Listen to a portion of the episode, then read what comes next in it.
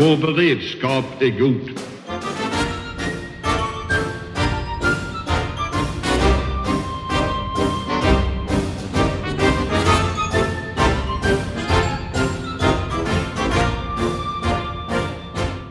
Hej och välkomna till Höjd beredskap, en podd från Aftonbladet Ledare. Och vi befinner oss just nu i kvarteret Ingenting. Här finns Säkerhetspolisen och här arbetar, ja, de brukar säga majoriteten av de 1300 personer som arbetar på Säkerhetspolisen finns här i ett hus. Och eh, jag och Johan Viktorin, vi sitter här tillsammans med Linda Skar, biträdande enhetschef för säkerhetsskyddsenheten. och Kenneth Alexandersson, senioranalytiker på eh, kontraspionaget. Ja, och det vi tänkte prata lite om nu det är ju säkerhetssituationen. Och det är ju en aktuell fråga naturligtvis med corona. Vad, vad händer? Eh, hur påverkar det Sveriges säkerhet? Men jag tänkte faktiskt börja med er årsberättelse eller årsbok som ni, ni skrev. Och vi börjar med dig Linda. Vad, vad är det viktigaste som, som eh, ni har rapporterat? Ja, men för säkerhetsskyddet så är det ju väldigt viktigt att få upp de frågorna eh, på tapeten på ett tydligt sätt så att det blir prioriterat ute i verksamheterna på, hos myndigheter och privata aktörer. Eh, och det är väldigt viktigt att man får förståelse då för eh, proaktiviteten och för de resurser man måste lägga. Och tillsammans med det här så behöver man också ha förståelse för hotbilden. Vad är det faktiskt som, eh, som våra svenska skyddsvärden utsätts för när det gäller underrättelsehot, underrättelseinhämtning och liknande. Så att just den kombinationen av, av hot och behovet av säkerhetsskydd är oerhört viktigt att det belyses tillsammans som det gör i årsboken. Men, men, men vad, vad är typiskt säkerhetsskydd? Vad skulle du säga är liksom, vad är det för skyddsvärda saker som, som ni tittar på att någon är ute efter?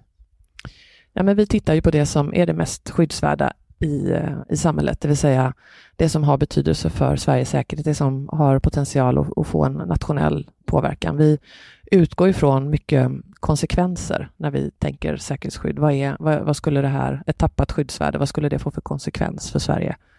Eh, och utifrån det så kan man se eh, vad det är för vad- vad det är för säkerhetsskydd som, som krävs och vad, det skulle, vad man skulle kunna vidta för reducerande åtgärder exempelvis och sådär. Eh, till skillnad från om man, om man gör andra typer av skyddsbedömningar som mer tar sikte kanske på sannolikhet så är det inte riktigt det tänket man har när man tänker säkerhetsskydd. Eh, vi brukar peka ut eh, telekomsektorn, transport och, och elförsörjning som sektorer som, som är väldigt betydelsefulla för Sveriges säkerhet och som har många beroenden till till andra delar som, eh, som har potential att bli nationella. Det kan vara försvarsmaktsberoende, men det kan vara andra delar också. Så om du vaknar upp så att säga på natten och är kallsvettig, vad är den värsta hotbilden som du tänker dig? Tack och lov så gör jag ju sällan det, men, eh, nej, men det är väl just att det finns, det finns ju skyddsvärden i Sverige som potentiellt skulle ta oerhört lång tid och vara väldigt kostsamma att återställa eller kanske omöjliga. Eh, och blir ett sådant skyddsvärde röjt, då har vi ju en sårbarhet eh, på nationell nivå som har koppling till Sveriges säkerhet som vi kommer få leva med under väldigt, väldigt många år. Och därför så är det ju så oerhört viktigt att, att man är proaktiv när det gäller säkerhetsskydd, att man, man, man måste ha säkerhetsskyddsåtgärderna på plats innan, just för att en exponering kan i vissa fall bli så oerhört kostsam för Sverige. Där har vi ett exempel i historien från Stig Bergling som sålde ut kustförsvaret. Eh, vilket gjorde att man fick då ersätta det till kostnad av en miljard i dåtidens penningvärde. Och det är ofta någonting man glömmer av där, att, att det, det är oerhörda kostnader involverat när, när skyddsvärden kanske röjs eller, eller blottas på olika sätt. Att det är oerhörda summor för skattebetalarna, för, för oss som bor i Sverige. Och också då att, att vi blir av med kanske med en förmåga, en, en möjlighet att kunna skydda oss och kunna använda den här, de här installationerna till exempel. Ja, för kontraspionage, du tittar ju på också vad andra aktörer kanske är ute efter eller vad de, vad de försöker få reda på eller Mm. vad de gör. Alltså om jag ställer motsvarande fråga till dig, hur ser liksom ditt värsta scenario ut? Eh, Jag är fortfarande i årsboken så jag är Mm. fortfarande utifrån de, de sakerna som finns där. det är svårt att, att säga liksom vad som skulle kunna vara det värsta. Eh, det beror på lite grann vilken nivå man lägger sig på. Men, eh, det, det som har ändrat sig jämfört med till exempel kalla kriget är ju att då hade vi en aktör i någon mening som, som hotade svensk säkerhet. Men det vi ser nu väldigt, väldigt tydligt är ju hur, hur vi har ganska många aktörer som på olika sätt bedriver säkerhetshotande verksamhet eh, mot Sverige och i Sverige. Och att de gör det på fler sätt också och mot fler mål i Sverige. Så att, att hotgeografin i någon mening har blivit, blivit mer komplicerad, mer grötig och, och ibland kanske mer svårtydbar. Framförallt när vi tittar framåt, eh, för det är så mycket lösa detaljer. Eh, och ett sådant exempel är ju att den säkerhetspolitiska stämningen eller säkerhetspolitiska läget globalt har ju försämrats de senaste, senaste åren. Och det får konsekvenser för svensk säkerhet ganska tydligt. Och då måste vi som säkerhetstjänst anpassa oss och, och ta höjd för det helt enkelt. Ja, men jag tror också att den här hotbilden har blivit eh, så pass komplex som den är idag. I kombination då med att eh, om man backar några år så då var ju väldigt mycket av våra skyddsvärden, de, de hölls inom staten och statliga myndigheter. Så mm. ser det ju inte riktigt ut, utan de återfinns ju på väldigt många olika platser i samhället, hos privata verksamhetsutövare mm. och sådär. Så då har man den kombinationen av en ökad komplexitet i hotbilden med skyddsvärden som är utspridda. Eh, och också då kanske hos vissa verksamhetsutövare som i sin kärnverksamhet hanterar delar som inte alls är säkerhetskänsliga på det sättet. Och då, då blir det ju ytterligare en utmaning när man har en liten del som, eh, som potentiellt kan få en stor nationell betydelse. Och Det är ganska tydligt, tycker jag, i totalförsvarsplaneringen som återupptagits, att, att förr så var ju det ganska mycket en statlig angelägenhet att, att eh, det offentliga skötte det, men nu är det ju väldigt många privata aktörer som är involverade eller på något sätt bidrar till att leverera tjänster eller bränsle eller vad det nu kan vara in i totalförsvaret. Så att då måste man liksom ta in även privata aktörer i, i totalförsvarsplaneringen på ett ganska tydligt sätt. Eh, under ett par år här har ni pratat om att eh, den främmande underrättelseverksamheten är så stor mm. att den numera är ett säkerhetshot mm. mot Sverige. Hur, vad menar ni då när ni säger så? menar att, att det i grunden riskerar att, eller hotar grundläggande värden egentligen i Sverige. Eh, till exempel flyktingspionaget hotar ju människors rätt att kunna få uttrycka kritik mot uh, sitt hemlands regim till exempel. Det är ju som en, en grundläggande rättighet vi har i Sverige. Vi ser hur industrispionage till exempel hotar ehm, eh, egentligen skattebasen, sysselsättning, tillväxt, ganska stora värden. För att på sikt så dräneras ju svensk ekonomi av, av innovation, av eh, sysselsättning och arbetstillfällen och, och då rimligtvis hamnar någon annanstans i världen. Eh, så att i den meningen så är det säkerhetshot, att, att det i grunden hotar eh, viktiga värden egentligen som för Sverige. Jag tänker att eh, om man läser era rapporter tillbaka i tiden lite så blir ni ju, de blir ju matigare och matigare. Det blir ju mer och mera information. Ni pekar tydligare ut också antagonistiska aktörer. Eh, hur tänker ni kring det? Vi ser väl att vi, vi har en roll i, för att eh, en oerhört viktig del i att öka säkerheten i Sverige är ju att, att man har en, en, en objektiv och ganska välgrundad hotbild och en förståelse för hur hoten ser ut mot Sverige. Och då har ju, tycker vi på Säkerhetspolisen, då har vi en, en naturlig roll i att, att upplysa medborgarna och samhällsaktörerna i Sverige om att, att men så här ser det ut, så här funkar det och det är ungefär det här ni ska skydda er mot och, och anpassa ert skydd. Så det, det är en, en, en, viktig del i vårt, i vårt säkerhetsskyddsarbete och vårt arbete för att skydda svensk säkerhet. Ja, men I och med att skyddsvärdena är så utspridda så är ju det här ett sätt att nå ut till eh, ja, men till verksamhetsutövaren naturligtvis, men också faktiskt till gemene man. Om man tänker ur ett personalsäkerhetsperspektiv så är det ju viktigt att man eh, att man ställer sig frågan själv då, vilken roll sitter jag på, vilken information har jag access till, vilka personer med höga accesser har jag, har jag möjlighet att, att få information ifrån? Eh, för om man, om man tänker på hur, hur främmande makt jobbar för, i sin underrättelseinhämtning så är det klart att de försöker ju, de försöker ju komma in där det är som lättast, där det minsta motståndet är.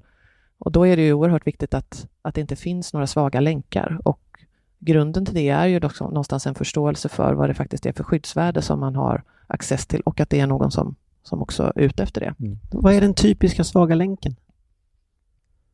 Jag tror att det många gånger faktiskt handlar om okunskap om man nu, och ett bristfälligt säkerhetsskydd. Då, att vi har en digitalisering och en teknikutveckling och en globalisering de senaste åren som har gjort att det har, det har skapats nya sårbarheter där Eh, en antagonist har varit snabb att kunna utnyttja det, för det blir ju nya liksom, anfallsvektorer om man säger så, men, men säkerhetsskyddet har inte riktigt taktat med. Eh, och där det gör att, att vi har en sårbarhet, framförallt kanske då på cyberarenan. Och vi har haft samhällsutvecklingar de kanske senaste 10, 20, 30 åren där vi har teknikutveckling som har gått oerhört snabbt framåt. Eh, vi har digitaliserat det svenska samhället. Helt fantastiskt sätt egentligen. Eh, och också en globalisering där vi har liksom en ekonom ekonomisk värld som blir allt mer sammanflätad. Och det här är i grunden jättebra förändringar, men det är det vi bygger tillväxt på. Det är teknisk utveckling och, och globalisering och handelsflöden. Men det utgör samtidigt ytor för främmande makt att kunna utnyttja och på olika sätt påverka de här då för sina egna syften. Så att ha den balansen mellan att, att, att vara ett öppet och fritt samhälle som, som bedriver mycket handel, mycket forskning och mycket utveckling, men samtidigt skydda det som är skyddsvärt. Och det, det är en balans som vi måste upprätthålla i Sverige. Ni pekar ju, ni säger ju i rapporten, att, eller i årsboken, att det, det är ett antal stater som bedriver, 15-tal stater som bedriver underrättelseverksamhet. Eh, ni pekar särskilt ut Ryssland, Kina och Iran. Mm. Kan ni berätta lite om det?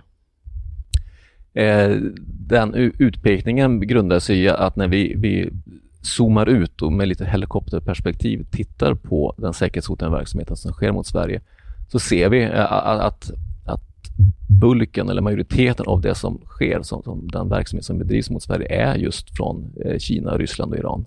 Eh, så, så vi, vi, har ganska gott empiriskt underlag i att, att göra den bedömningen. Eh, och sen har de olika drivkrafter, olika sätt att agera, men, men på totalen så är det just de tre länderna som, som på olika sätt då, eh, utgör ett säkerhetshot mot Sverige.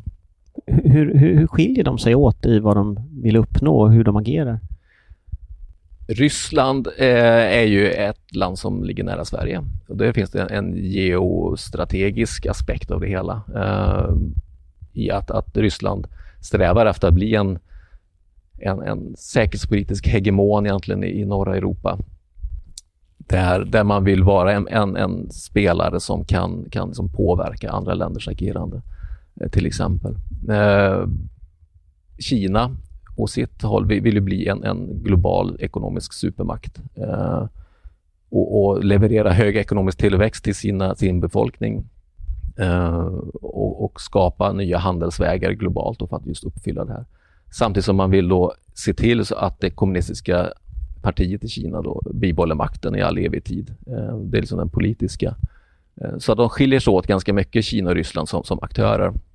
Eh, men, men i slutändan så blir det ju säkerhetshotande verksamhet av det som drabbar Sverige på olika sätt.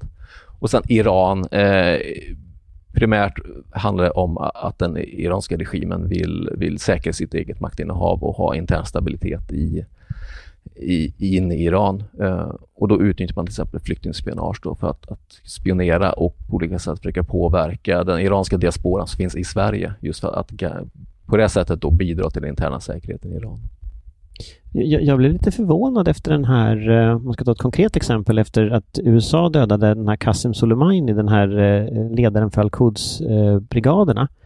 Eh, då blev den svenska debatten ganska snabbt väldigt Iran-positiv. Alltså Twitter, sociala medier blev ganska positiva till Iran. Vi såg svenska medier som, som använde till exempel revolutionsgardets eh, nyhetstjänst som nyhetskälla. Det såg ett antal nyheter som kom direkt från revolutionsgardet. Så att har vi, är vi naiva liksom när sådana här saker händer eller var, var, varför händer det där?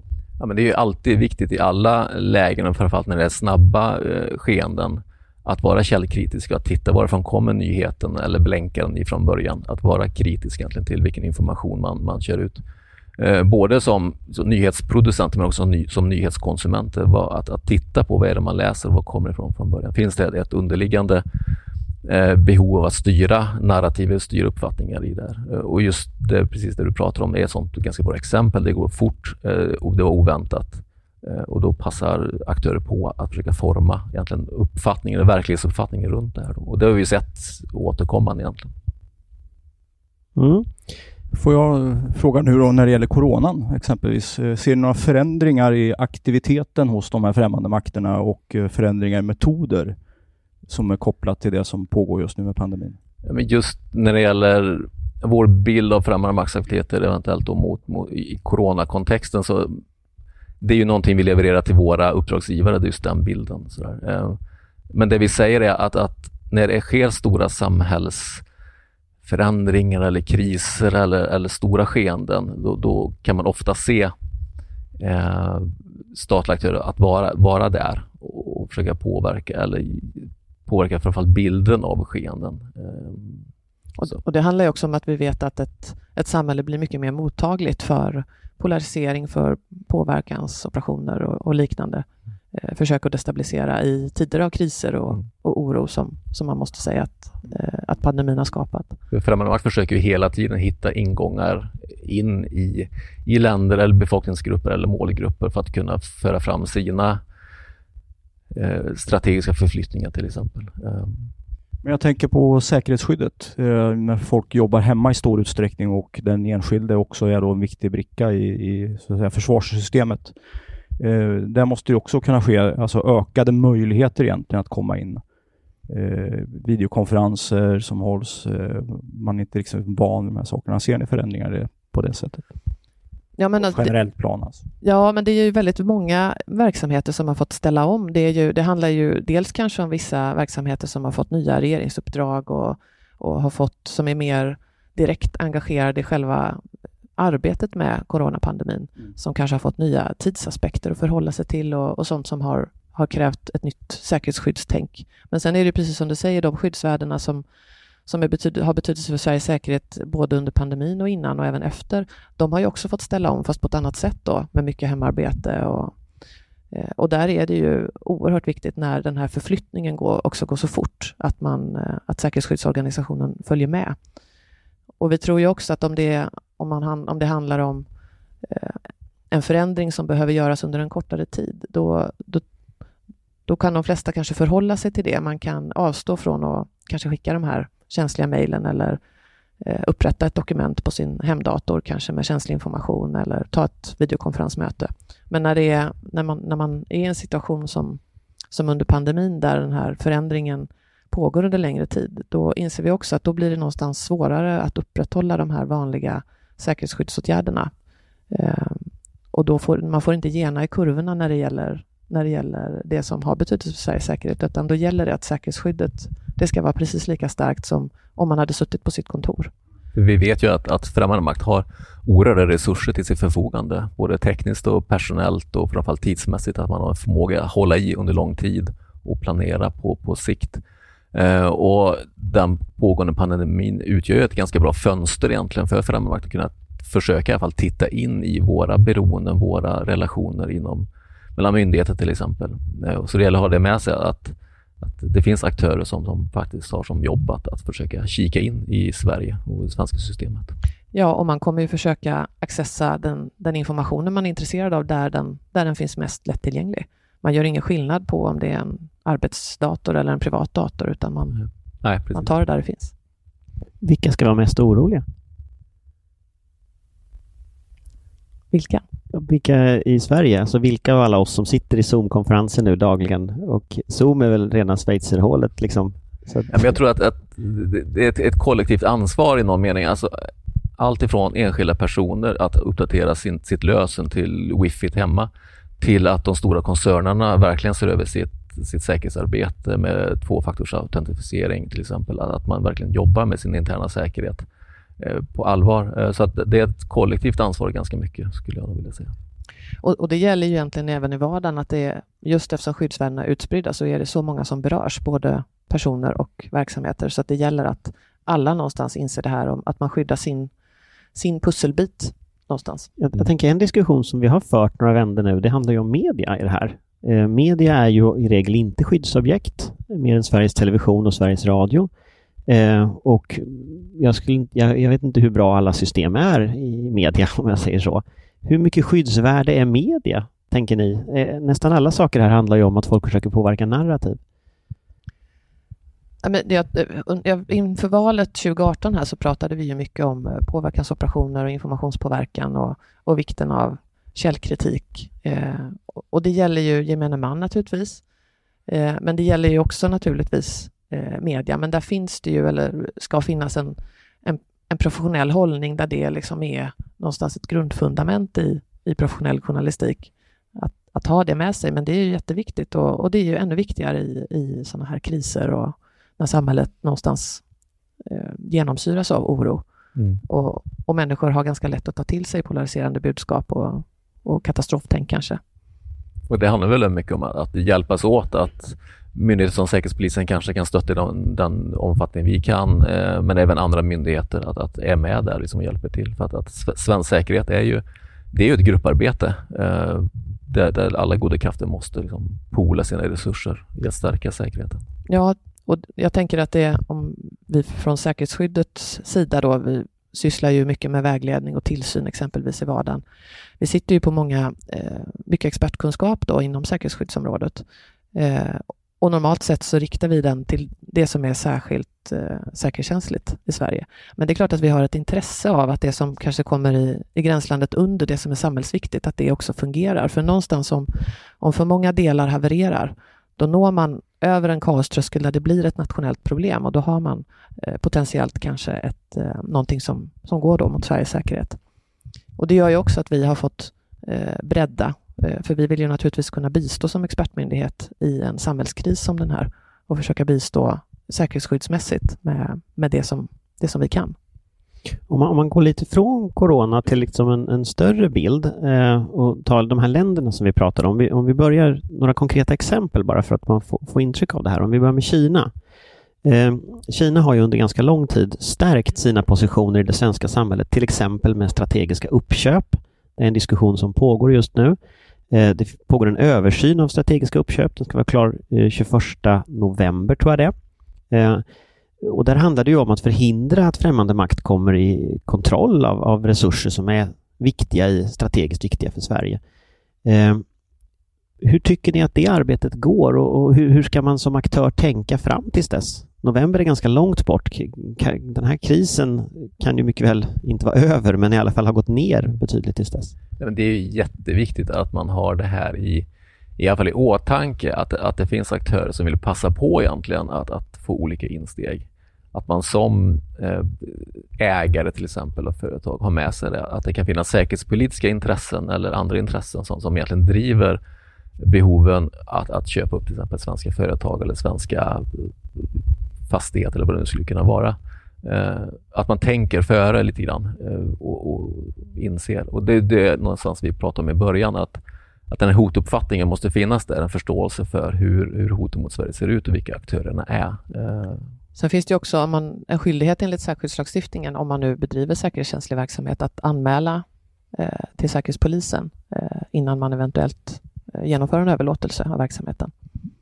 Ja, vi hade tänkt komma in lite på den nya säkerhetsskyddslagen sen, men vi kan ta den nu. Eh, det, sen, sen, 99, sen 2019 förlåt, så finns det en ny säkerhetsskyddslag på plats. Eh, och, och, den ändrar ju lite spelreglerna på det här området. Eh, vad innebär den och hur tycker du den har funkat hittills? Den är väl ett år nu ungefär?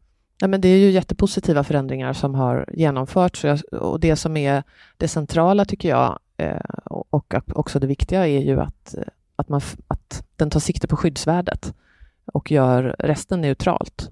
Eh, från att det, ja visst, privata verksamhetsutövare omfattades till del av Eh, av den gamla lagen också, men nu blir det tydligare att om du, om du bedriver säkerhetskänslig verksamhet eh, så omfattas du och då ställs det i princip samma krav på, på säkerhetsskyddet oavsett om det är en statlig myndighet eller om det är en eh, privat verksamhetsutövare. Och det är ju väldigt positivt och det gör ju att, att i det här som vi varit inne på, att vi alla måste bidra och att det är, att det är samverkan och samarbete som, som är det, det väsentliga för, för Sveriges säkerhet. Det här gör ju att alla måste vidta eh, adekvata åtgärder och det måste också finnas en kunskap eh, högt upp i, i verksamheten eh, på ledningsnivå om, eh, om vikten av eh, säkerhetsskydd, om kunskap om hotet, just för att de som sitter på mandat och, och resurser måste kunna styra det så att, så att det blir eh, ett, så att säkerhetsskyddsfrågorna prioriteras eftersom de ofta är kostsamma. Sen är konsekvensen av att inte ha dem eh, än mer kostsamma. Men, eh, men initialt så, så är det ju så att man måste lägga lite arbete på att göra sin säkerhetsskyddsanalys exempelvis. Och det är väl en konsekvens av att totalförsvarsplaneringen har ju ändrat karaktär jämfört med för, för 20-30 år sedan då det var som jag sa tidigare en mer statlig angelägenhet till att nu har vi mycket mer privata eh, företagsinslag i totalförsvarsplaneringen. Och då måste ju säkerhetslagstiftning hänga med i det så att vi skydd, fortsätter skydda egentligen den nationella förmågan att, att eh, hålla Sverige säkert.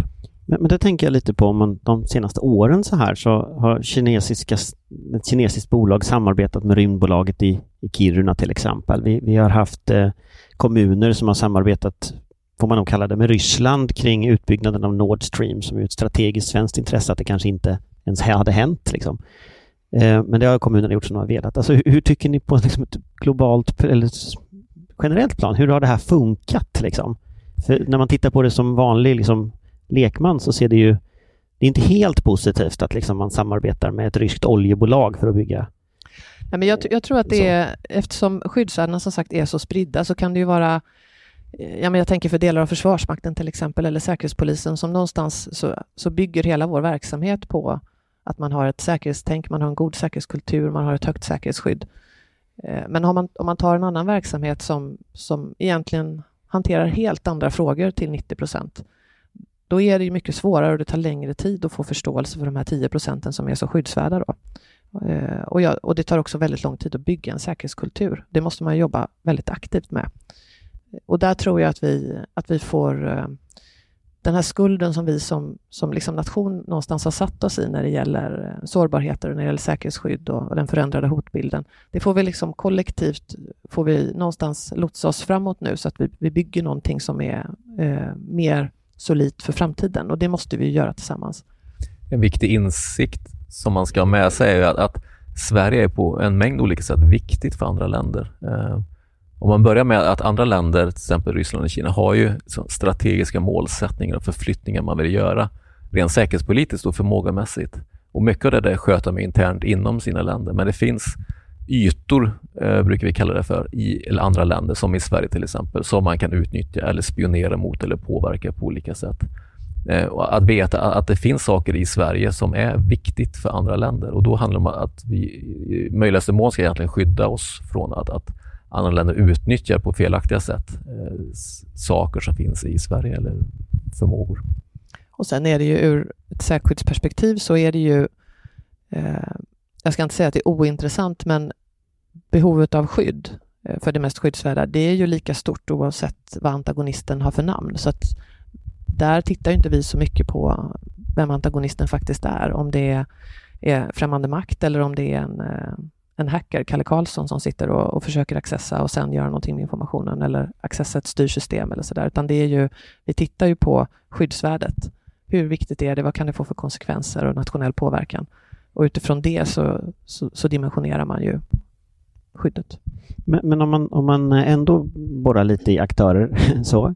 Eh, en sån sak vi har diskuterat i podden innan eh, utifrån eh, en rapport som gjordes av, av Stefan Kristiansson som var tidigare eh, chef för MUST och en av de, om, om liksom Kinas aktioner i, i, eller andra länders egentligen aktörer i Sverige, om man liksom går till det. Eh, en sån sak han pekade på då, det är ju att det finns ju väldigt många utländska forskare från Kina eh, på svenska universitet med bakgrund i Folkets befrielsearmé, alltså den kinesiska eh, armén. Eh, och det här är någonting som fortsätter. Eh, och det pekar han på. Det här är ju en, liksom en, en hur tänker man här? Liksom, fin, finns det inga regler kring detta? Alltså hur tänker ni kring den? För det här är den mjuka världen vi pratar om då. Det är inte liksom tekniska system utan det är ju liksom kunskap, svensk forskning som det handlar om. Det är ju, svensk forskning och högre utbildning är ju en sån där yta jag nämnde innan, alltså en, en, en plattform eller en, en företeelse i Sverige som, som kan utnyttja för att, att nå sina mål. Eh, då är det väldigt viktigt att, att man framförallt har med sig den bilden eller den insikten i just den sektorn. Att inse att att andra länder vill utnyttja eh, hö högre utbildning till exempel och forskning för sina egna syften. Eh, och att det finns en förståelse för, i sektorn för det där.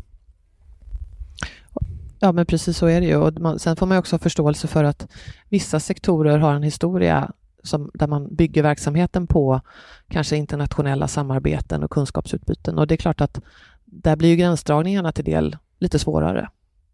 Och sen handlar det ju också om det här med, med säkerhetskultur. Om man, om man inte har arbetat med det här för ögonen så då, då tar omställningen en liten stund. Det blir ju en säkerhetsparadox. I, på, å ena sidan så vill vi ha ett, ett öppet samhälle, en öppen forskning och, och öppen högre utbildning. Men samtidigt så vet vi att det finns andra länder som vill utnyttja just det. Att hitta den här balansen mellan säkerhet och att bibehålla dem, den öppenhet som kännetecknar egentligen Sverige. Men, men om man tänker, är gränsdragningen just till kinesiska, alltså folkets befrielsearmé, just den gränsdragningen så svår? Alltså är inte det en ganska märklig... Det, det känns på ett sätt typiskt svenskt att vi har liksom en säkerhetsskyddslag och vi har tydliga regler men sen och vi ska skydda högskolor och universitet, men sen har vi liksom inga regler för att samarbeta med främmande länders försvarsmakter för de här personerna. Det känns som en paradox ändå i, i, i systemet. Liksom. Ja, men jag tror om man, om, man, om man tänker på gamla säkerhetslagen som var från 96 och den utvecklingen eh, på hotsidan som också har skett eh, i det, är det säkerhetspolitiska läget i, ja, i Sverige och i Europa och i världen, så har det ju blivit väldigt stora förflyttningar. Eh, och vi har monterat ner, det har ju också blivit eh, uppenbart nu i coronakrisen att vi inte har några beredskapslager exempelvis. Vi har ju, vi har ju förhållit oss till en tid som hotmässigt har sett lite annorlunda ut. Och där, det tror jag slår väldigt brett eh, mot samhället och det tar, det tar tid att förändra folks medvetande, särskilt om man tänker sig att den generationen som någonstans levde och verkade under kalla kriget, de är inte lika aktiva i, i samhällsdelarna nu eh, arbetsmässigt. Säkerhet är ju inget statiskt tillstånd utan det är ju någonting som hela tiden utvecklas och förbättras och förfinas och vi, man hittar nya områden där man behöver höja säkerheten. Så det här är ett kontinuerligt arbete som, som sker och måste ske i Sverige där vi, vi bit för bit försöker liksom plocka hem säkerhetspoäng egentligen. Samtidigt är det ju ganska svårt för de här aktörerna som universitet och högskolor om de ska pröva människor. Då måste man ju pröva alla eh, som har kommit i kontakt med skyddsvärdena. För annars eh, diskriminerar man ju. Så att det är förenat med ganska stora kostnader också. Absolut. Men, men det här, man kan säga att det, det, är ju snarare en systemfråga. Det här är bara ett exempel på det. Men är det här motsvarigheten inom säkerhetsskyddsområdet till bristen på beredskapslager om skyddsmasker? Jag är inte riktigt säker på hur du menar, men... Nej, men vi monterade ju bort ner ja. skyddsmaskerna om man säger så. Monterade ner beredskapslagren av, av, av skyddsutrustning, av mediciner och allting. Om man liksom jämför, flyttar det till det här området, är liksom det här så att säga, motsvarigheten inom säkerhetsskyddsområdet? Att vi har liksom, du sa att kalla kriget till exempel, de människorna är inte aktiva längre, att vi har liksom tappat Ja, men så beredskapen på något sätt. Så är det ju ganska mycket, att vi hade nog ett ganska bra skydd eh, under kalla kriget och fram till kanske mitten på 90-talet. Men sen blev det ju då den här strategiska timeouten som, som en del pratar om. Eh, då vi inte längre kanske i Sverige såg behovet av att ha det här breda skyddet. Eh, och sen har då verkligheten kommit ikapp oss. Vi har en betydligt mer komplicerad internationell säkerhetspolitisk miljö och, och då måste på något sätt säkerhetsarbetet i Sverige liksom jobba ikapp hotbilden och det är det som sker nu. Men det tar ju tid, det kostar jättemycket pengar och kräver väldigt många beslut och mycket utredningar och, lagförändringar och sånt där. Eh, så det är ju ett ständigt pågående arbete. Om jag får ta ett annat sånt där konkret exempel. Vi har ju en situation, vi har ju den nordiska motståndsrörelsen som, som ju eh, demonstrerar och aktörer från den miljön har ju sprängt bomber i Göteborg och sådär. De har ju ett samarbete med den ryska imperiala rörelsen som är helt offentligt. Det, det är ju någonting de ger pengar till Nordiska motståndsrörelsen och så. Det här är ju en aktör som ligger väldigt nära den ryska regimen naturligtvis. Det finns inga paramilitära grupper i Ryssland som inte ligger nära regimen. Eh, liksom, hur tänker ni kring liksom aktörer från Ryssland som är aktiva på det sättet mot Sverige eller i Sverige till och med? Vi vet ju att främmande makt generellt, och särskilt om man pratar Ryssland, använder sig av mellanhänder och proxys på olika sätt för att, att bedriva olika former av, av, av säkerhetshotande verksamhet, vare sig det är underrättelseverksamhet eller, eller skapa förmågor att kunna använda i framtiden. Eh, och det har man gjort i decennier. Det, det är ju ingenting nytt egentligen eh, alls. Eh, och sådär. Men hur aktiv är Ryssland på det sättet i Sverige idag skulle ni säga? Ryssland har ju på totalen ett, ett omfattande underrättelsearbete som sker mot Sverige eh, via under, sina underrättelsetjänster. Och till exempel via de underrättelseofficerare som är stationerade på den eh, ryska beskickningen då, under täckmantel. Eh, så det bedrivs ganska omfattande eh, säkerhetshotande underrättelsearbete från ryska, de ryska tjänsterna i Sverige och mot Sverige. Och det sker på olika sätt, antingen via olika mellanhänder men också mer direkt genom att försöka rekrytera källor, eh, få olika insteg i det svenska samhället. Jag tänkte bara säga att den här eh, rörelsen är ju dessutom terroristklassad av USA nu också. Just det. Just det. får man inte glömma bort heller. Men det, det, känns ju också som en sån intressant fråga, liksom, att svenska nazister samarbetar med liksom, en terrorklassad rysk rörelse som ändå ger pengar till nazisterna i Sverige. Det är liksom ingen, ingen hemlig verksamhet som pågår här riktigt. Men som samtidigt också i hemlighet har utbildat personer från den nordiska motståndsrörelsen i militär taktik i Ryssland. Det var ju de som åkte dit till Göteborg till exempel. Just, det är svårt för oss att, att konkret kommentera just specifika som organisationer och händelser. Men, men på den, just på den generella nivån som jag sa, så som användandet av, av mellanhänder och proxies är ett, ett modus, ett sätt man arbetar på eh, från främmande makt. Eh, och det har vi sett under många, många decennier från, från Ryssland till exempel. Om man liksom avslutningsvis här ska knyta ihop det här lite och så titta framåt. Eh, vad, vad, ser ni? Nu kanske inte ni kan komma till önskelister här, liksom så, men, men om ni skulle få se vad som skulle hjälpa för att höja det här svenska säkerhetsmedvetandet och för att hantera den här typen av hot. Vad skulle ni behöva för verktyg eller vad skulle behöva förändras i sättet så att säga, svenska myndigheter och ja, också privata företag och så arbetar med sådana här frågor? Ja, ur, ur säkerhetsperspektivet så skulle det ju vara att alla som bedriver säkerhetskänslig verksamhet eh, tar det på allvar, att man, eh, att man gör en säkerhetsskyddsanalys, det vill säga man identifierar vad är det i verksamheten som är säkerhetsskyddskänsligt? Var någonstans finns det? Eh, vad behöver det skyddas mot och vilka åtgärder är det som behövs? Eh, sen måste, ska man också anmäla den typen av eh, verksamhet till Säkerhetspolisen. Och det syftar ju också till att, eh, att vi tillsammans med, med MUST behöver behöver ha den övergripande bilden. Eh, vi sitter på kunskap som gör att vi kanske har, eh, har koll på eh, beroenden och, och liknande som, som kanske inte ska vara allmängods, men som är jätteviktigt när man arbetar med säkerhetsskydd och när vi arbetar med tillsyn och, och, och vägledning och liknande. Så det, jag tror att det, det, centrala är att, att det prioriteras högre hos de verksamheter som, som arbetar med delar som är kopplade till Sveriges säkerhet och också att säkerhetsskyddet Eh, Eh, det måste, det måste finnas med i alla verksamhetens frågor, för det, det handlar inte, man kan inte isolera det bara till en enskild fråga, utan det, det finns som en röd tråd i väldigt många delar. Och där, det är också därför det är viktigt att en säkerhetsskyddschef exempelvis har, har access till myndighetsledningen, där man, kan, där man faktiskt kan eh, lägga på det här perspektivet på, på frågor som kanske inte enkom består av säkerhetsskydd, men, men där det behövs. Och från mitt håll så har jag väl två saker på min, min önskelista. Dels att, att fortsätta från Säkerhetspolisen ehm, eh, berätta om hotbilden och hur det ser ut eh, och förklara egentligen eh, vilka aktörerna är. Det är det ena. Men sen det andra är att försöka fortsätta arbeta med det här som vi ibland kallar för whole of government approach. Det vill säga att, att myndigheter och organisationer samarbetar i ännu högre utsträckning om saker som rör eh, svensk säkerhet att, att det, det här grupparbetet fortsätter att bli mer och mer liksom, inarbetat i det svenska systemet. Det, det tror jag är nyckeln i någon mening för att, att hantera de här säkerhetsproblemen vi ser framåt.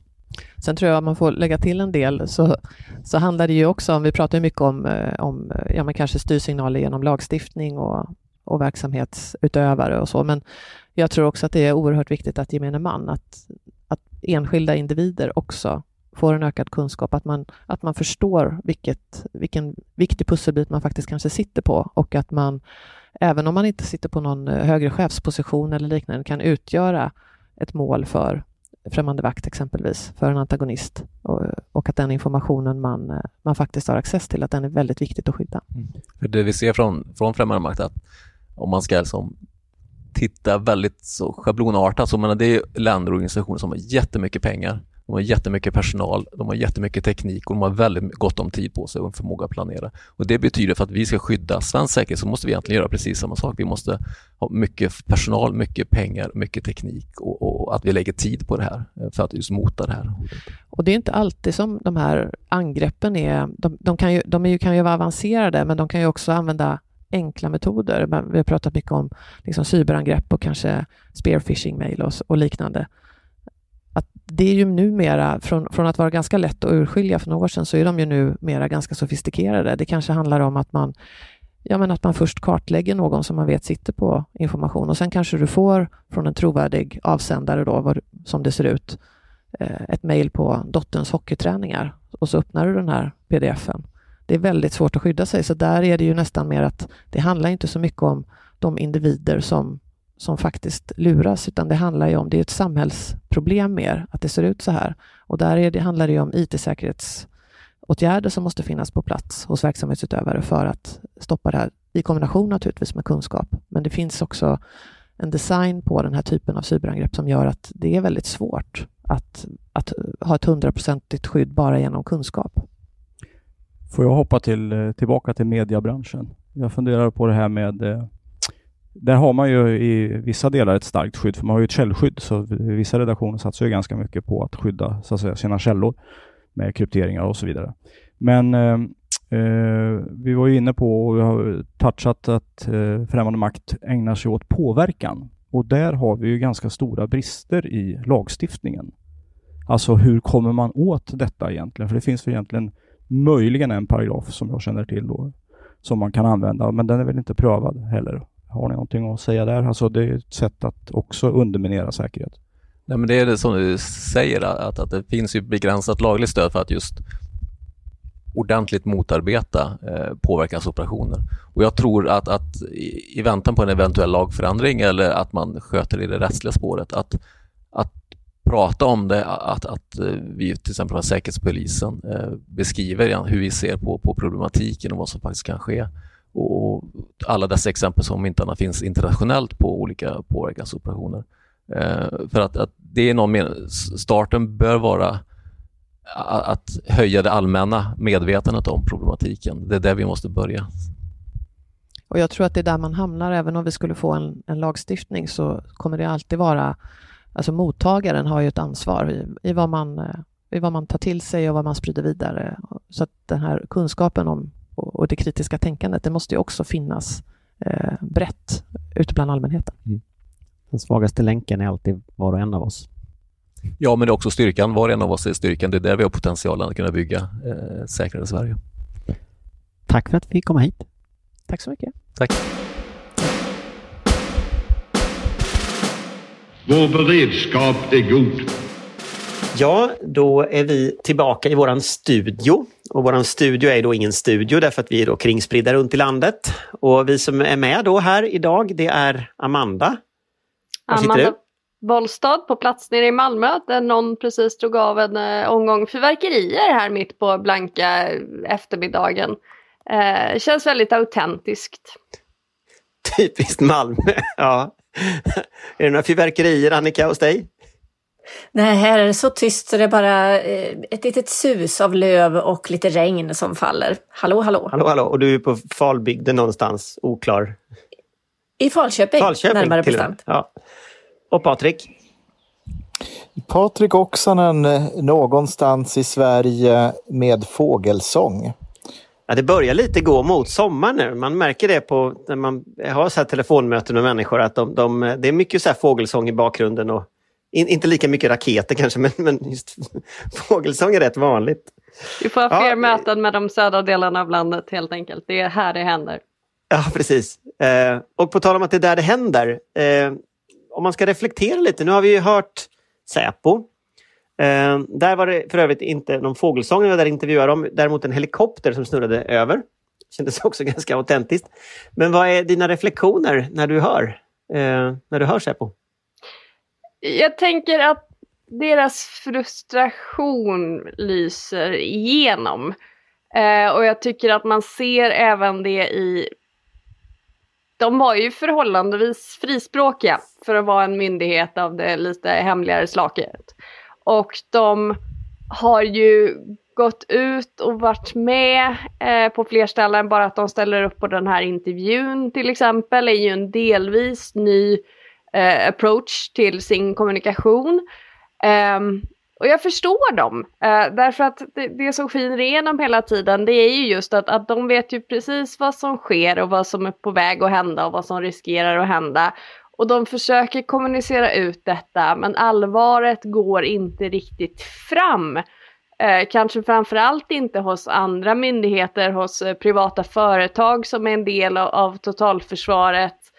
Eh, jag tänker på det varje gång de släpper sin årsrapport så blir det ju krigsrubriker i ett dygn eller två om att Säpo pekar ut ja, Kina, Ryssland och, och Iran som de tre största säkerhetshoten mot Sverige. Man skriver allt tydligare att det pågår aktiv underrättelse, inhämtning, att säkerhetsläget försämras. Eh, men efter det där dygnet eller två av rubriker så glömmer vi bort alltihop igen till nästa år då situationen har blivit ännu lite sämre och ännu lite osäkrare. så irritationen börjar lysa igenom och det, det, det har jag full förståelse för. Annika?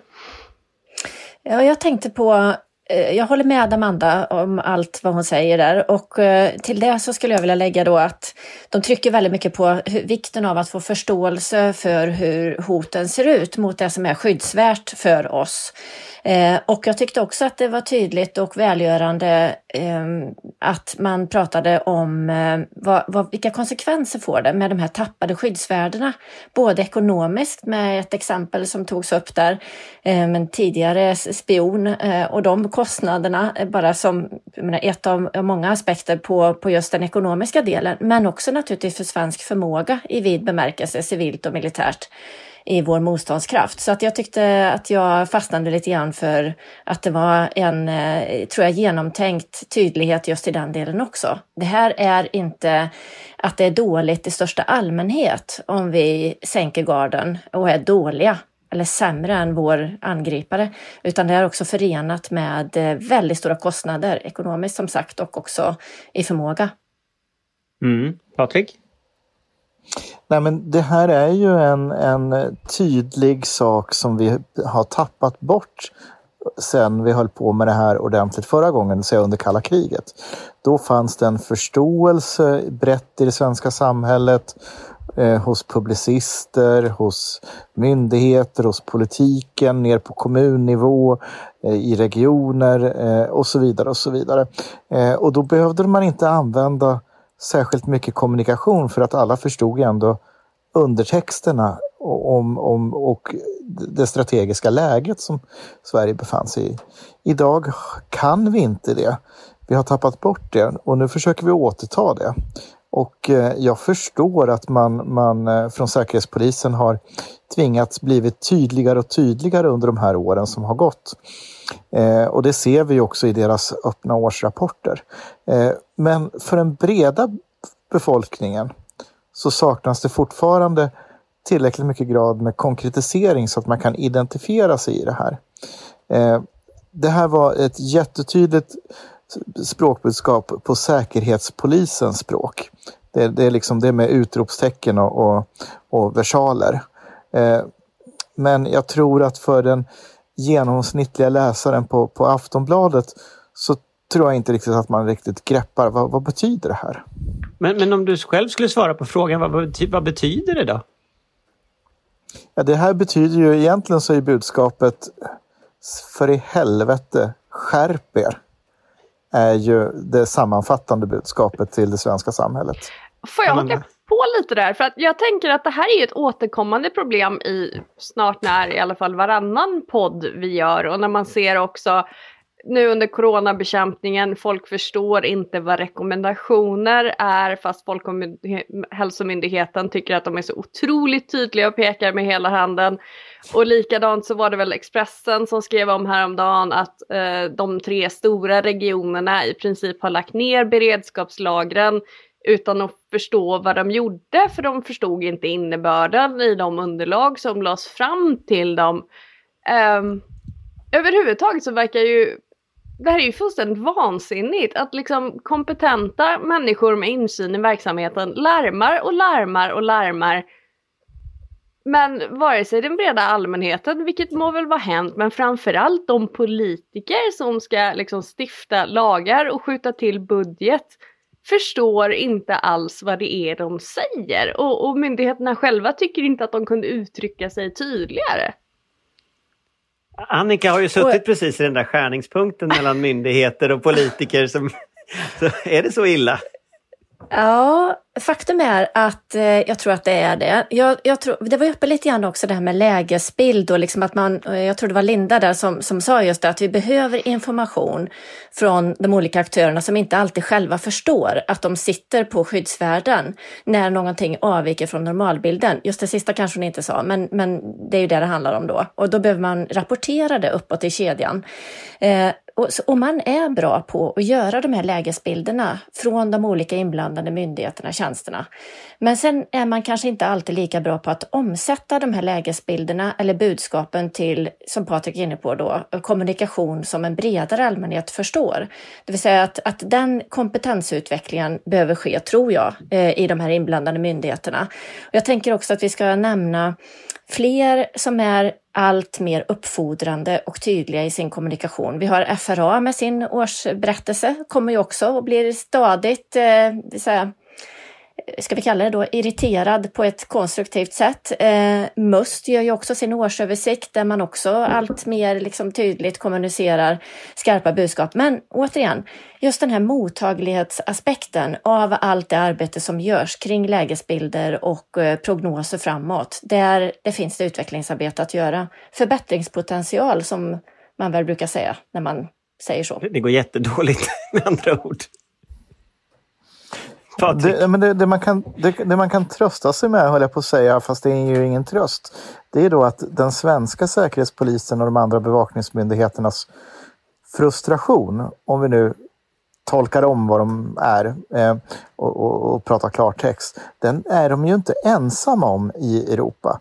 Utan vi kan ju faktiskt se en lång rad olika tjänster i en rad olika länder som har under de fem senaste åren gått ut med en tydlighet som, som är historisk. Ändå så händer det väldigt lite i, i hela Europa. Men det är lite intressant, är... så en reflektion. Den estniska säkerhetstjänsten brukar ju lyftas fram som ett bra exempel på hur man är offentlig och sådär. De hade någon, till och med någon sån här skylt, kommer jag ihåg, som var så här, så här gör du om Ryssland approcherar dig för att du ska bli spion. Ungefär som en sån här, så här tvättar du händerna-skylt ungefär på toaletten, alltså samma idé med små teckningar så här agerar liksom främmande makt när man försöker rekrytera dig. Här ska du ringa till, till jag vet inte vad Säpo heter i, i, Estland, men vad det nu heter på estniska. Eh, och, och liksom, alltså med liksom hobbypsykologisk förklaring, liksom, men väldigt tydlig. Det, det, skulle Ikea skulle kunna ha gjort den, så tydlig var den. Men, men all, det ni säger här nu, det är ju att de, man misslyckas med att komma ut med ett budskap som ju är väldigt dramatiskt. Eh, alltså hur skulle de göra för att nå ut? med budskapet. Amanda Men, vifta. Jag måste ju säga att, att, det där hade vi en gång i tiden också. Jag gick på gymnasiet på Gotland i något, eh, någon gammal regementsbyggnad där vi hade liksom eh, skyddsrum i källaren och sådär. Och där satt ju sådana affischer från typ 50-60-talet. Så här gör du om liksom främmande makt försöker bjuda dig på en drink på krogen. Så att liksom, vi har ju haft det här också men tappat det. Men sen ska jag också tänka att alltså det jag blir riktigt frustrerad på. För att det är väl en sak att gemene man kanske inte förstår Säpos varningar. Eller att när Tegnell säger rekommendation så ska de helt enkelt göra som Tegnell säger, punkt. Eh, utan att de här människorna som vi faktiskt har, har valt att sköta landets säkerhet och, och avlönar för detta och kryssat i en valsedel en gång i tiden, att de på något sätt inte själva jag menar, ska man verkligen behöva skedmata exempelvis försvarspolitiker med information? Eller har de kanske någon typ av ansvar att själva ta reda på hur det förlägger, föreligger om, om de nu inte förstår det automatiskt av Säpos årsrapport som de förhoppningsvis i alla fall läser. Um, för jag tänker en hel del ju... frustration kring försvarsberedningen till exempel kanske kunde undvikas på det sättet vet jag inte. Men, men kanske, eventuellt. Nu, nu vill jag försvara försvarspolitikerna för att jag, jag, tycker nog att de kanske har tagit till sig av, av de skeddropparna som, som har med, med, med stärkande fiskleverolja eller vad vi nu ska använda för liknelse.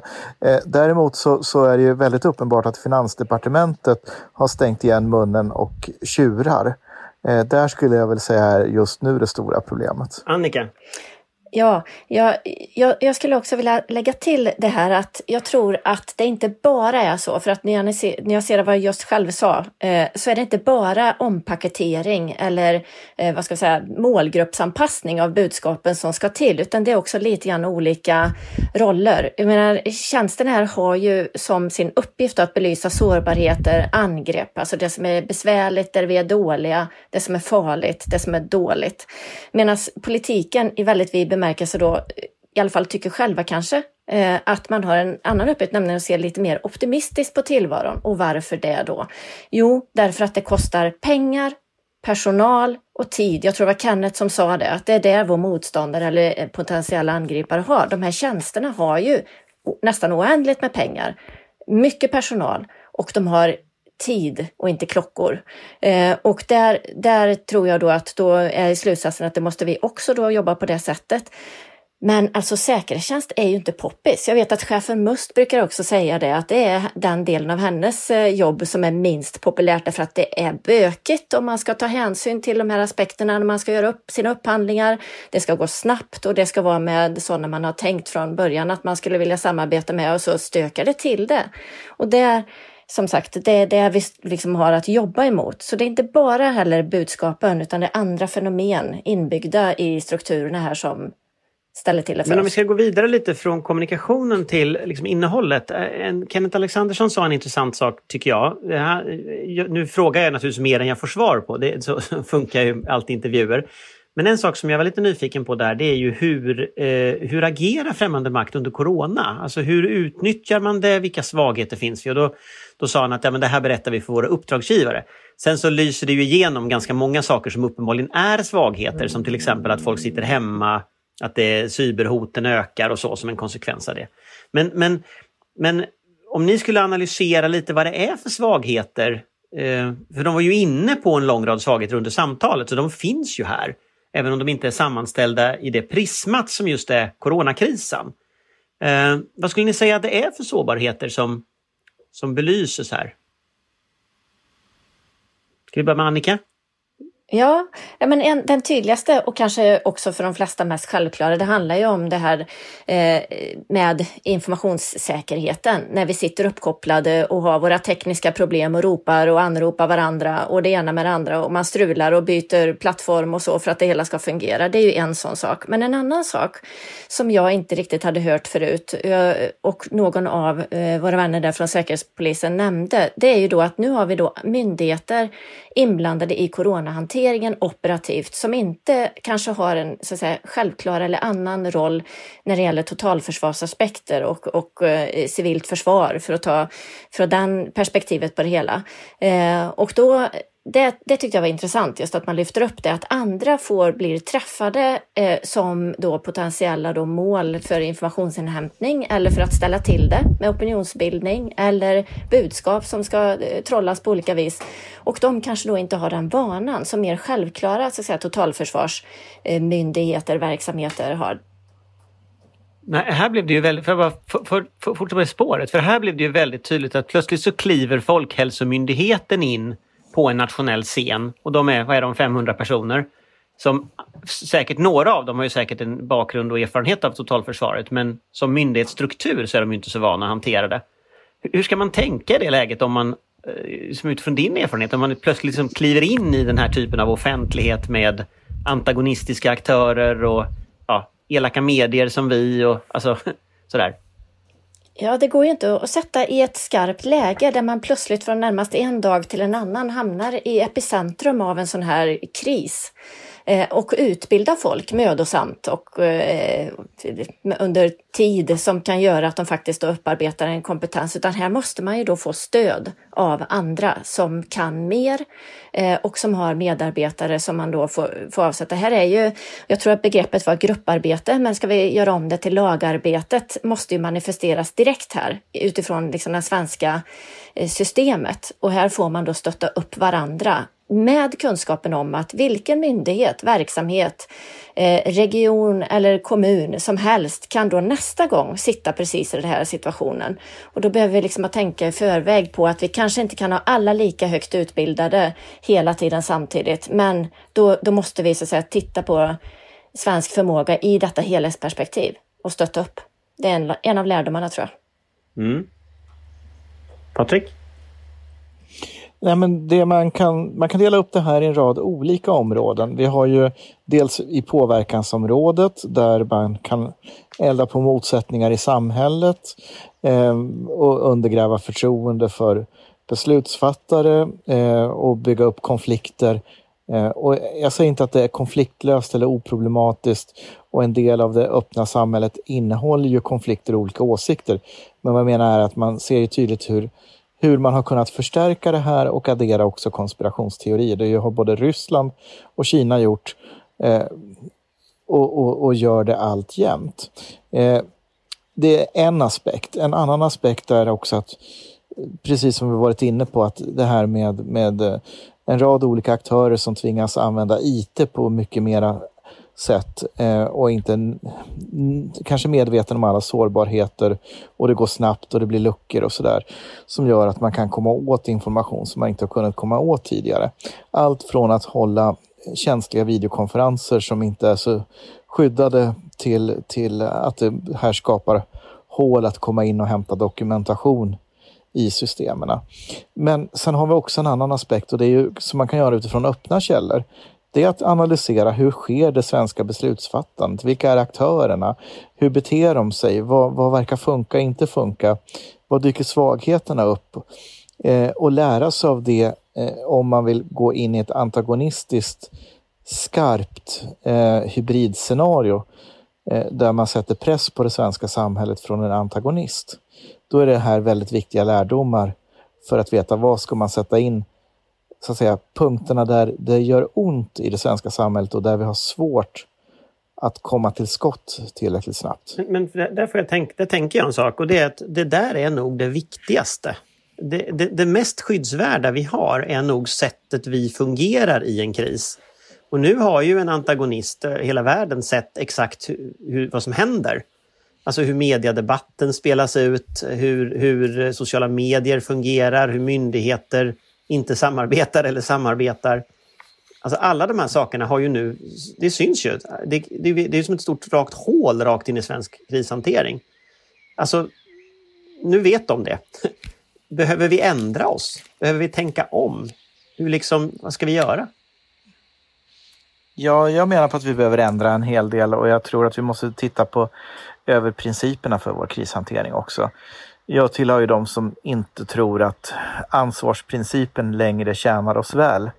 Ehm, det vill säga att en myndighet som har ansvaret i normaltillståndet ska ha ansvaret i, i krisläge. Eh, krishantering är en särskild sport eh, med helt andra, en helt annan logik och, och helt andra krav än normal verksamhet.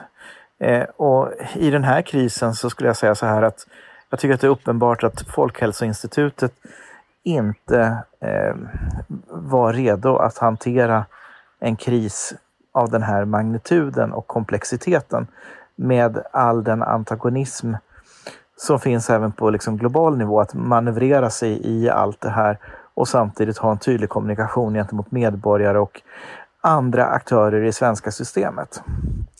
Eh, jag, jag, menar på att det, nu ska vi inte föregå en coronakommissionsutvärdering och så vidare, men min gissning är att, att man kommer att konstatera att det fanns svagheter i början, bland annat kring kommunikation och vad man tog höjd för och hur andra aktörer i samhället som behövde förstå saker förstod saker utifrån vad Folkhälsomyndigheten gjorde.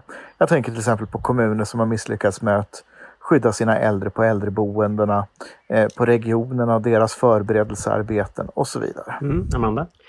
Jag tänker också på det här som de ju inte ville prata om direkt, vilket jag förstår och har all respekt för, men, men ändå ganska tydligt eh, pekade ut just det här med liksom proxykrigsföring och proxy-åsiktsföring och kopplingar till diverse extremgrupper i i Sverige och vårt närområde och, och överhuvudtaget allt egentligen från trollfabriker till, till helt enkelt nära kontakter med vissa grupperingar. Um, och att man utnyttjar det på ett väldigt uh, cyniskt sätt. För det är väl det som vi kanske har lite svårt att inse, att det handlar kanske inte primärt om att stötta grupperingar som delar ens åsikter och värderingar. Utan det är intressantare vad de här grupperna kan ha för effekt på, på debatten, på säkerhetsläget, på att piska upp stämningar eller få folk att ifrågasätta eh, där tror jag återigen man måste vara tydligare med kommunikationen kring detta. Och de, de, jag upplever att de försöker vara det men att eh, det kanske återigen den här översättningen mellan säkerhetspolitiska och, och eh, klar svenska. Ja, en, en, reflektion som jag gör det är ju att den här eh, säkerhetsskyddslagen som vi diskuterade en del, den, är ju, den kom ju förra året så den är ju ny. Men, men jag fick en känsla av att när de beskriver så att säga, förändringarna som har skett utifrån den, då är det väldigt mycket av ett arbete, ett pågående arbete. Eh, det är ingenting som riktigt har nått ut hela vägen ut. Eh, när det gäller, och IT blir ju liksom övertydligt när hela samhället digitaliseras och, och saker som förmodligen är ganska hemliga eh, sitt, ligger på he folks hemdatorer för att det är det enda tekniska systemet som funkar den dagen och sådär. Alltså, den, den, här typen av sårbarhet, så det är ju, det är ju också en slags coronakommission, alltså det är också en slags krishanteringsutvärdering som måste göras. Eh, hur, hur liksom samhällets krishantering relaterar till de här sakerna som har hänt. För vi kommer ju komma ut som ett annat samhälle på många sätt. Eh, vi har ju lärt oss massa saker också, så det är inte bara dåligt på det sättet. Men, men om, om ni ska blicka framåt lite kort bara, för nu börjar tiden rinna ut här. Eh, vilka erfarenheter tror ni vi tar med oss från den här liksom perioden som vi nu lever i? Eh, när det gäller just säkerhetsskydd och mot antagonister och sådär, det som vi har diskuterat, eh, kontraspionage och så vidare. Vad är det för erfarenheter vi tar med oss från de här galna månaderna som vi har levt nu under 2020 hittills? En svår fråga, så jag ger den till Annika först. För hon ser ut hon ser, Åh, tackar. du ser. Eh, ja, precis. Eh, jag kan väl återkoppla till eh, Säkerhetspolisen där och eh, hoppas hoppas att detta leder till en skarp och bra utvärdering naturligtvis av vad som hände, vad som var bra och vad som var dåligt. Eh, och att det sammantaget då, och det är min förhoppning, ska leda till eh, det som Linda kallar då en, en bättre säkerhetskultur. Det vill säga att, att man faktiskt då från tjänsterna och de inblandade myndigheterna får med sig en större grupp människor som känner sig träffade av detta och inblandade och också allra helst ansvariga, medansvariga för att hålla garden uppe. Eh, jag skulle bara säga mycket kort också, eh, som apropå vad Patrik tar upp och, och den tidigare frågeställningen om det här med eh, andra delar som kan komma att förändras. Vi har ju en egentligen krisledande myndighet, tänker jag. Och vad är det som ska stärkas? Jo, det är regeringens egen förmåga och regeringskansliet. Det tror jag är en erfarenhet också. Eh, som både vad gäller liksom omvärldsbevakning och resurserna som... För allt kokar upp till regeringen ha, oavsett hur det ser ut och hur bra man blir på regional och lokal nivå eller i olika verksamheter, så är det där man måste vara eh, allra bäst. Eh, och det tror jag finns mycket att göra fortsatt. Oavsett liksom hur sen systemet i övrigt utformas så kokar det alltid förr eller senare upp till regeringskansliet och regeringen. Mm. Patrik? Ja, men jag tycker att eh, det som Annika på slutet här pekar på, vikten av att stärka krishanteringsförmågan på, på hos regeringen eh, och ha det ledarskapet i krisen kopplat till ansvarsprincipen då att den faktiskt inte fungerar i en större kris utan du, du behöver annan annan typ av kompetens och en annan helhetssyn på det. Men jag hoppas att det viktigaste vi tar med oss av de här månaderna, det är faktiskt att vi inte lever i en förutsägbar tid. Vi trodde ju, trots att det hände konstiga saker som 11 september och tsunamin och sådär, så var vi ändå invaggade i att ja, det kan hända omvälvande saker, men de är ju ändå relativt begränsade. Eh, nu har vi fått en påminnelse om att vi kan få en global kris som slår brett eh, och som kastar omkull en massa saker och ting som vi har tagit för givna. Eh, och att vi tar till oss det och den insikten. Eh, och att vi lever i en tid där, där vi faktiskt inte avskaffat den här typen av risker. Tvärtom. Och tyvärr så tror jag att det här årtiondet kommer att bli... Ja, alltså det är nog inte den, den det är inte nog den sista stora krisen vi diskuterar det här årtiondet. Så vi har mer framför oss. Brr. Amanda? Ja, nej, jag är väl lite inne på det jag hoppas att vi tar med oss. För det, det, är väl också ett konstaterande att det är ju inte alltid vi har lärt oss så mycket av tidigare kriser som vi kanske borde ha gjort. Eh, men det jag hoppas vi tar med oss är hur fort det går och hur brett det kan slå. Att det är i princip från en dag till en annan så kan hela, hela världen förändras. Och att det också inte är en fråga, precis som Annika var inne på, det är inte bara en fråga för Försvarsmakten och Säpo och MUST och FRA utan helt plötsligt så är hela, hela sjuk och vårdapparaten involverad. Och nästa gång kan det ju vara elnätet, eh, miljöbitar, eh, extremväder, översvämningar. Alltså vi får på något sätt ta höjd för att kriserna inte nödvändigtvis ser ut som vi tror att de ska göra och därför måste hela samhället involveras i planeringen och förstå att nästa gång kan det vara de som ska stå där och förklara varför man inte har lyckats med sin uppgift i en pressad situation. Um, det tror jag är det viktigaste, för jag tror med Patrik att det här är nog tyvärr bara början på våra prövningar. Tack så mycket för att ni var med. Tack! Tackar! Tackar! Vår beredskap är god.